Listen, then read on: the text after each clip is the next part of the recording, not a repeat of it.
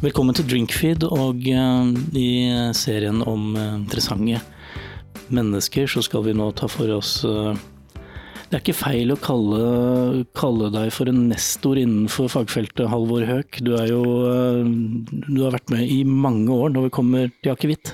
Ja, det begynte vel i 1986. Så, og det er alt, Livet er fullt av tilfeldigheter. Og du har ikke gitt deg ennå?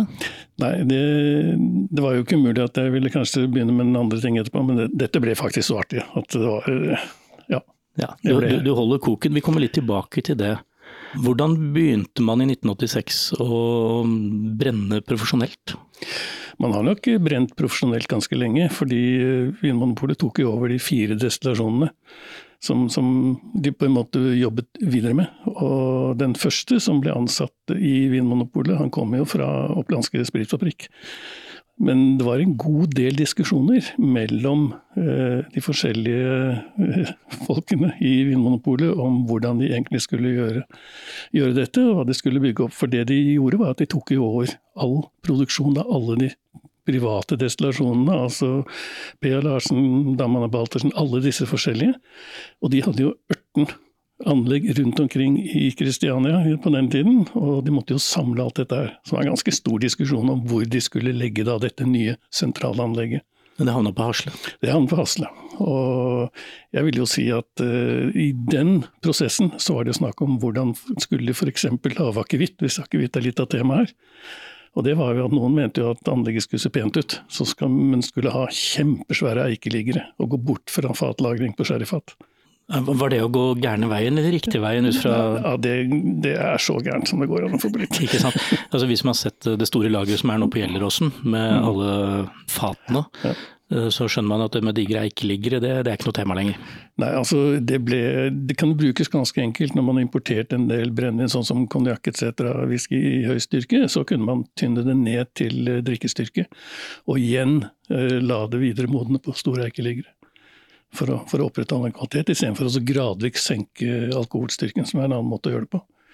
Men eh, veldig glad for at uh, det var uh, sherryfatene som man ble enige om. Men vi kan gå enda litt lenger tilbake. Du fortalte meg jo du, du tok et sivilingeniørstudie. Du, du, begynte å rote deg inn i melkeproduksjon i, innenfor meieri, og studerte videre i England. Ja, jeg trodde vel egentlig kanskje at det var det jeg skulle gjøre, men så fant jeg ut at det, det ble kanskje litt smalt. Da var det litt artigere å få en litt videre eh, Det var kjemi, bakgrunn egentlig. Kjemi, altså kjemi i Norge da jeg studerte, det, vi lå langt bak i Norge. Men eh, det å kunne kjemi altså Verden er kjemi. Verden er rett og slett bare kjemi. Ja, Da begynner vi å bli veldig filosofiske her, men du har selvfølgelig helt det er, rett. Det er dessverre sånn det er. Og, og det å kunne og vite. Og så har jeg hatt en annen interesse, og det er matlaging. Så jeg er veldig glad i å lage mat. Ja. Og da er det veldig naturlig at du ønsker å kunne mer. Ikke minst om rakfisk, som er en ganske utrolig spennende norsk tradisjonsrett. Om hvordan, hva er det egentlig som skjer i en rakfiskprosess. Det burde vi lage et eget program om, egentlig? Ja, egentlig så kunne man lage et program om de forskjellige tingene. Altså, Man kunne dra til Løne og se på smalahove Man kunne dra til Fagernes, som er senteret for rakfisk. Det endte jo opp med at jeg traff en etnolog, Astrid Ridvold. Så vi skrev en bok om rakfisk eh, sammen. Ja, for du, du har jo et lite bibliotek du, som du har skrevet? Ja, jeg er glad i å formidle litt videre. når, når det bobler over av ting du har lyst til å fortelle om, så blir det ofte en bok. Men vi skal tilbake til akevitt. Eh, selv om du hoppa ikke rett fra melk til eh, brennevin, du, du, hadde en tur innom mineralvann? Ja da, jeg var innom de fleste bryggerier i, i Norden. I og med at jeg, min første jobb var i Coca-Cola. Og så endte jeg opp eh, senere innen Philip Morris. Men fordelen med det var at du så litt annet enn bare å bli en veldig snever fagspesialist på, på eventuelt det man skal stelle med. Kunne du ta med deg noen av de erfaringene fra ja, spesielt mineralvann, når du kom inn og skulle begynne å produktutvikle ja, f.eks. akevitt? Ja, fordel, Fordelen eh, jeg hadde som ansatt i Vinmonopolet, det var at Vinmonopolet var stort sett de utenlandske produsenters beste kunde. Så Dørene ble åpnet i hele whiskyverdenen, i hele konjakkverdenen. så jeg reiste jo rundt. Traff Miguel Torres, hadde utrolig mye kunnskap som jeg fikk, fordi de, de så ikke på oss som konkurrenter. Så den kunnskapen benyttet jeg jo meg da av, og så egentlig hvor utrolig dårlig det sto til med Vinmonopolet.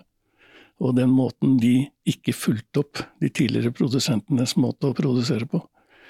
For de var primært ikke så skrekkelig interessert i akevitt, eller vodka for så vidt. fordi eh, litt av hovedformålet var jo å redusere forbruk av alkohol. Og hvis de fikk folk til å drikke vin istedenfor brennevin, så var det mye vunnet. Ja, for da kunne man drikke seg fra sans og forsamling på, på, ja, på, på druevann i stedet for norsk sprit. Ja, og så hadde du også dette forholdet om at vi hadde jo 400 år med Danmark. Eh, de drikker ulagret akevitt i shotsglass, iskald. Eh, her snakker vi egentlig om akevitter som har ligget både 5, og 10 og 15 år på fat. Men like forbannet skulle de da i håpløse danske spissglass og shottes og skilles etter med øl.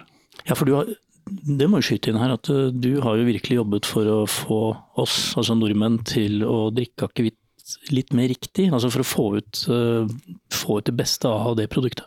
Ja, det er jo like edelt som konjakk og whisky.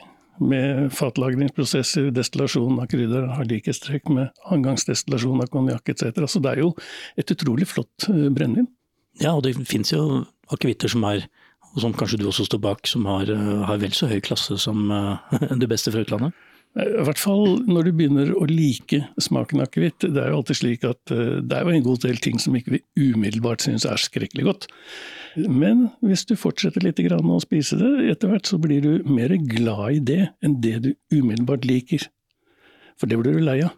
Så jeg vil jo si at akevittverdenen i Norge har blitt veldig mye mer spennende enn den var tidligere. Altså, jeg vil jo si den har eksplodert bare på på 20 år så har det jo skjedd ekstremt mye på akevittfronten. Ja da, eh, og det som har vært litt spesielt, syns jeg, da, det er at det er ikke alt som har vært like positivt. Jeg har jo jobbet en del med å sitte i utenlandske spritkonkurranser med medaljer og sånt nå. Og vi registrerte jo f.eks. at eh, da vi fikk inn vodkaer, det er jo et regelverk for hva vodka skal være, så skjønte vi at folk hadde begynt å putte inn i ting og tang. Eh, det resulterte jo da i at EU-regelverket heller laget også da en kategori som heter flavored vodka. Og det var veldig riktig. Eh, når det gjelder konjakk og whisky, så syns jeg de har vært utrolig dyktige. Når det gjelder gin og akevitt, så har jeg følelsen av at vi kanskje er på vei til å sove litt i timen. For eh, man burde egentlig hatt en kategori som heter flavored gin, og en kategori som heter flavored akevitt. For nå begynner man å bevege seg vekk fra hva jeg kaller primæraromaer, og den stilen man kanskje burde prøve å opprettholde. Ja, Vi har jo en uh, tidligere protesjé av deg som har laget en rosa akevitt f.eks. Ja, for så vidt, jeg, men, men, hvorfor ikke ha en kategori flavored akevitt? Så folk forstår at akevitt skal smake akevitt. Uh, jeg husker jeg har laget uh, mange linjeakevitter for Wilhelmsen. Og da var det snakk om hvor mange ganger skal han gå over linja. Og de har jo sendt ut noen julepresanger hvor den har gått 18-20 ganger over linja. Oh ja, virkelig bereist? da. Virkelig bereist. Og da får du jo egentlig en akevitt som er så fatlagret at den kanskje ikke egner seg til ribba julaften. Nei, da blir det mer kuriosa for den som liker å reise mye, da. Ja, Men utfordringen er at hvis de er vant til å drikke klassisk akevitt, så tror de det er noe feil med den. Og så tør de ikke å drikke den. Så, så vi fikk jo i hvert fall til at de måtte bedre informasjonen på de tingene de sendte ut. Men, men det er jo veldig, veldig, spennende med at man utvikler et produkt. Og det er vel det som jeg syns har vært artig. Det er at du uh, legger akevitten inn mot forskjellige matretter. Og begynner å tenke litt i vin. Det er jo ikke sånn at du drikker én vin som du liker veldig godt, og så drikker du den til alt mulig. Da Nei. setter du og ser ned på tallerkenen og ser hva er egentlig jeg skal spise. Ja, ikke sant. Og, og smaksette smaksette måltider med akevitt. Det er veldig spennende. Det, det, ja. Dere som hører på nå, dere burde virkelig vurdere det. Og ta en, ta en middag med forskjellige akevitter. Ja. Og, det er jo en av de artigste måltidene jeg kanskje har satt i gang. Det var jo etter at uh, si Vinmonopolet, eller butikkdelen, flyttet ut fra Hasle. Så laget de en middag i Christoffer Hammersson. Han var jo den store guruen i Norge. Og da hadde vi altså en seks-syv retters middag med forskjellige klassiske, gamle norske mattradisjonsretter. Og så koblet vi til forskjellige typer akevitter, som passet da til måltidet. Og det er noe av det morsomste jeg tror jeg har vært med på. og vi var jo så heldige at vi kunne gå ned i NRKs eh, kjeller og hente krystalllyse kroner og et sånt, og så bygget vi opp da Kristoffer Blix sitt hammerske laboratorium. Og så hadde vi altså et kjempeopplegg. Det høres helt fantastisk ut. Ja, ja, skikkelig gøy. Skikkelig gøy. Lei for at jeg ikke kunne være med der. Men hvis vi følger den tankegangen og bruker akevitten mer aktivt i forhold til norske matretter, tradisjonsmatretter, er vi, er vi flinke nok til å gjøre det, eller er det masse arbeid igjen der?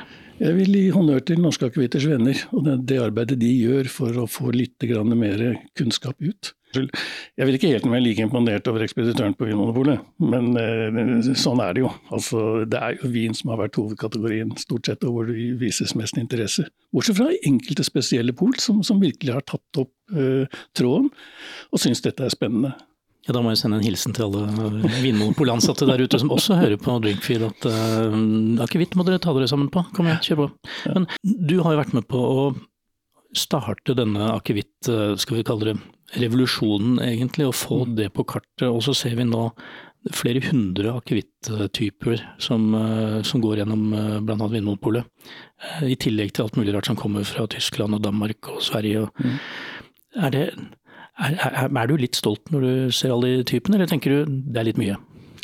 Nei, jeg må nok si at jeg, jeg er redd for at vi skal bevege oss altfor langt bort fra det som er de klassiske akevittene. Det, det, må jeg med vilje innrømme, og derfor så syns jeg det er ganske spennende å, å, å jobbe på Atlungstad.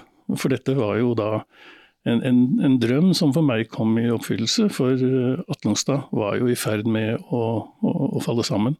For det var jo et reservebrenneri for hoff, altså rektifikasjonsanlegget på Gjøvik. Men etter at de fikk modernisert sitt utstyr, tok jo over rektifikasjonen fra Hamar. Og så, så, så, var det jo ikke nødvendig å vedlikeholde dette, for de hadde ikke behov for det. Og ren tilfeldighet gjorde at, eh, at eh, tidligere riksantikvar Jørn Holme han hadde lyst til å se Hasleanlegget. Og der hadde jeg rimelig mye kunnskap, så jeg laget en bildpresentasjon da, av Hasleanlegget. Og så la jeg til slutt på noen bilder av Atlungstad brenneri, og så sa han dette er det siste vi har igjen. Og det hadde han lyst til å se. Ja, men så du har egentlig vært med på å, å ta vare på den siste, siste, siste rest av, av, den, av de klassiske potetspiserne, ja.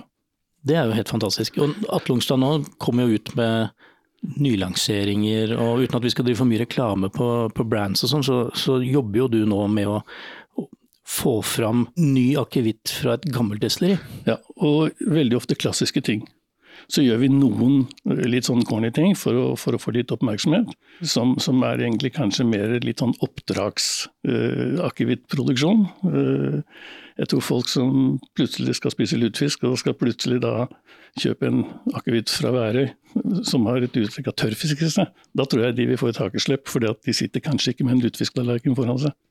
Men i en, den situasjonen så passer det bra. På samme måte som på rakfisk, altså Valdres rakfisk. De trenger en akevitt som har mer fataromaer, mer sødme, mer rikhet. Mens uh, har du et sildemåltid, så skal du egentlig ha noe fat nesten i det hele tatt. Bare rene kryddere som matcher da de tingene som du finner i silderettene. Vi kan jo gå og se på hyllene på Vinmonopolet, eller enda bedre på listene fra bestillingsutvalget, hvor det er mer, kanskje mer å hente. Men det, det finnes jo nå en akevitt omtrent for hver, eneste ting du kan gjøre, omtrent fra reker til ostepop. Altså, det, er det mulig å lage akevitt i alt? Jeg, altså, jeg tror man skal være litt ærlig og si det at eh, jeg syns jeg ser mer og mer innslag av marketing enn jeg egentlig ser av at det er reelle ting som, som for så vidt har en funksjon. Men jeg har full forståelse for at et, et lite sted ønsker kanskje en lokal akevitt, og ønsker å bruke noen av sine lokale råstoffer i produksjonen av den akevitten. Men så er det jo spørsmål hvor, hvor ekstremt skal du da lage det? Altså, og når folk kjøper en akevitt, så ønsker jeg fortsatt at de skal sitte med følelsen at de drikker en akevitt og ikke drikke noe helt annet. Ja, for Vi var jo litt inne på det, dette med å ha smaksatte uh, kategorier. Uh, mm. og, og sånn. Er du redd for at det skal skli helt ut? At det blir uh, ja, altså alt er lov? Jeg, jeg syns ikke så skrekkelig mye om det, men nå begynner jeg å bli gammeldags. Så kan du si jeg appellerer kanskje til, til dem som er litt eldre, som, som liker de klassiske akevittene. Mens derimot ungdommen, som skal f.eks. lage det i en cocktail eller en drink, skal begynne å hive inn all verdens andre ting, da spiller det litt fleipete sagt nesten ikke noen rolle hva det er i det hele tatt. Da er det viktigere at emballasjen ser kul ut, at du har et gøyalt konsept, og noen liksom syns at å, dette var jævla, jævla topp, altså. Ja, der, der, der, var du litt gammeldags, eh, Du var det. Men litt tilbake til prosjektet ditt med, med Atle Longstad også, som du tydeligvis brenner veldig for. Ikke for å være forstand, ja. ikke sant? Ja. Men, men, men altså, det, det, er, det blitt en sånn uh, videreføring av en blanding av hobby og jobb for deg? Altså, du, du er jo pensjonist så det holder, egentlig? Ja, så jeg er fortsatt 100 ansatt i Arcus. så man kan jo godt kalle det pensjonist, men i utgangspunktet så, så, vil jeg jo si at eh, det jeg nå driver med, er jo mye mer spennende. For et stort industrielt selskap, det er noe som heter regneark, de styrer veldig mye. Og det er litt synd, eh, fordi at eh, man skal være ganske sikker på det man gjør. Mens på Atlungstad så har vi kommet så langt nå at vi produserer en gang i året en, en potetsprit. Det var avtalen med Jørn Holme, at vi skulle ha et levende museum. Det er for øvrig nå fredet. Og så har vi jo da etablert dette håndverksdestilleriet der oppe. Og vi tar da tilbake vår egen sprit fra Gjøvik. Mens all annen potetsprit er jo en blanding av poteter fra hele Norge. Mens vi tar tilbake vår egen sprit. Drømmen min den har jeg ikke fått til enda. Kanskje den kommer, jeg vet ikke. Men det som hadde vært morsomt, det er jo da å lage en virkelig gammel akevitt på en klassisk, tradisjonell måte. Og da måtte vi dyrke parnassia-poteter. Vi måtte ikke bruke enzymer for å splitte stivelsen i forbindelse med gjæringen av poteten, men vi måtte bruke malt, som man brukte i gamle dager, og da destillere dette ut. Og så kan vi justere eh, vårt, vårt kolonneapparat slik at vi får ut egentlig ganske sprit som er ganske spennende. Og bruke da de klassiske krydderne, som vi bl.a. har gjort i, i en akevitt som heter Atnokstad nummer 1, hvor vi bare bruker karvoffenikkel, som er den gamle delen, fatlagrer dette, og da lager vi virkelig en si, en, en akevitt som nesten går tilbake til Kristoffer Hammer, som da skrev denne gøyale kokeboken, en kjemisk-økonomisk avhandling om norske akevitter, bæretinkturer, i 1776. Så han var jo egentlig den første som fjernet akevitten fra dette med medisin. Med ondt skal ondt kureres. Jo mer fussel du hadde med, jo verre det smakte, jo mer effektivt var det. Nå skulle man over på mer nydelse. Ja, og så var det en lang vei fra den ytelsen. Så var det et stykke til, da. Ja. Men det høres jo helt uh, altså, spennende, flott og sånn. Er det noe framtid i å gjøre sånne prosjekter? Nei, men det er egentlig en del av å bevare en kultur. For det som også skjedde, det var at da vi flyttet fra Hasle, så hadde vi et kjempesvært uh, bransjemuseum det ble da ikke aktuelt å ta ned til Vinmonopolets lokaler. De fikk en del av utstillingen som omhandlet da distribusjon, salg etc. Resten endte jo opp hos, hos Arcus, og, og, det ble da sendt opp primært til, eh, til eh, Atlungstad brenneri, som det nå er, og som det bruker. Så nå jobber vi egentlig med å utvide den museumsdelen og lage Atlungstad brenneri til et helt utrolig sted. Opplevelsessenter for, brenn, for, brenne, for brennevinsinteresserte, rett og slett. Ja. Det eneste jeg var engstelig for, det var at det ligger en golfbane ved siden av. Så tenkte jeg Jørn Holm med golf. Mm.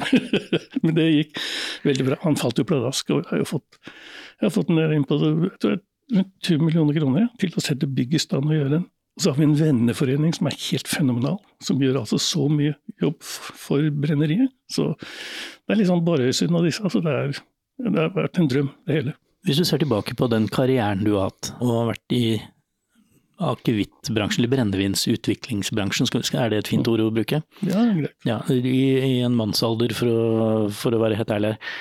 Ser du på dette prosjektet som en sånn veldig fin utgang av, øh, av altså en slags fin oppsummering av hva du har gjort øh, opp gjennom åra?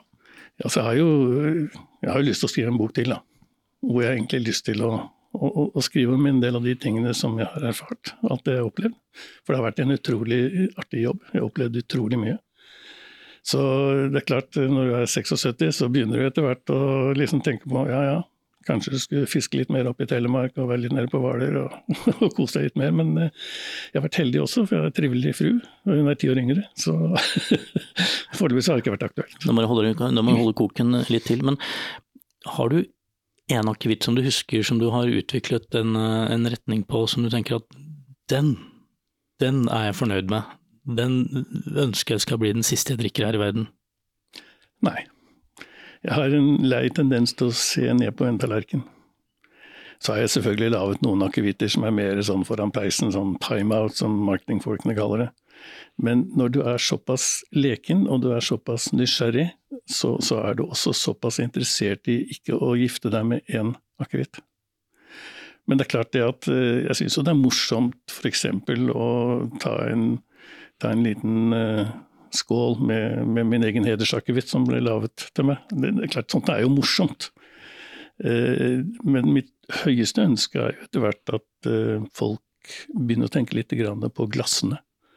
Og ikke minst hvilke glass de bruker, for altså man bør bruke et tulipanformet glass. Ja, Du var med å utvikle det ultimate akevittglasset sammen med Eivind Hellstrøm og ble ja, blåst på Riedel, var det ikke det? Ja, Georg Riedel som egentlig var den store, men det var rett og slett en utfordring jeg hadde, og jeg følte jeg hadde. Det var at vi hadde dårlige brennevins- eller akevittglass i Norge. Så en tur til Østerrike, det var veldig trivelig. Og, og litt av det jeg da opplevde hvor viktig dette er, det var da vi lanserte 200-årsjubileum for, for Linje. Og de fleste fikk jo da et uh, glass, men det var det klassiske tyske Markten-glasset, som er en sånn boble og sånn linje fra Norge. Og så fikk de da en kartong ved siden av hvor det sto dette munnblåste rillglasset. Og så åpnet jeg helseseansen med å spørre ja, hva smaker egentlig lysom linje, da? Og ingen kunne svare ikke kan du sveive på glasset, da mister du jo alle ut, ikke sant. Og så sa jeg kan du ta opp kartongen, og så slå over i ridderglasset. Da ble det stille. For da fikk du en tredjedel av de krydderne som er brukt, en tredjedel av linje- og fatkarakteren. Og så fikk du en liten advarsel om at det er noe sterkt i glasset, det er ikke vann. Det er kanskje en av de artigste opplevelsene jeg har hatt. For dette med glass er viktig, og det har vi tatt opp i Drinkfeed mange ganger. Mm. Velg riktig glass, eller så riktig som mulig til hva du nå enn har oppi, og akevitt er ikke noe unntak uh, i, det, i, så måte. Nei da, og, og, den har jo kommet ut av fryseren. Folk skjønner at det er en helt annen type drikk. Det som jeg syns har vært også utrolig spennende, det er jo at ikke minst uh, de store bryggeriene har måttet skjerpe seg litt, grann, og du har fått disse nye mikrobryggeriene. Eh, og det syns jeg egentlig har øket kvaliteten og muligheten til å sette sammen spennende akevitt- og ølmenyer, hvor du faktisk kanskje begynner med, med en fiskerett, en lettrett, ikke sant. Så kan du gjerne ha et undergjæret øl, gjerne en alkoholfri øl faktisk, med litt grann eh, humle. Og så går du nedover rekken, ikke sant. Du går over til en uh, overgjæret øl, en, en, en ale-type, og så ender du opp med noe mørkt øl, ikke sant. Og så følger du da med akevitten av det hele. Jeg tror at folk som ikke har opplevd det, de vil synes det er veldig spennende når de har anledning til å få noe sånt. Igjen er det bare å oppfordre folk til å være litt mer leken der ute, og, og tørre. Det er, det er, vel det det handler om, å tørre? Ja, rett og slett. Også, men det gjelder også å være litt interessert, da. Jo, Man må være glad i mat og drikke. Det, det, blir jo fort sånn høna og egget her, ja. Halvor. Du, vi ja. kunne snakket sammen nå i i timevis. Fordi du, du, er jo et eh, vandrende leksikon også, ikke minst fordi du skriver masse bøker og sånn. Men hvordan ser du, sånn avslutningsvis, hvordan ser du fremtiden for akevitten i Norge? Vil, vil, det etablere seg som den, den desidert tunge nasjonale drikken som vi ønsker at den skal være?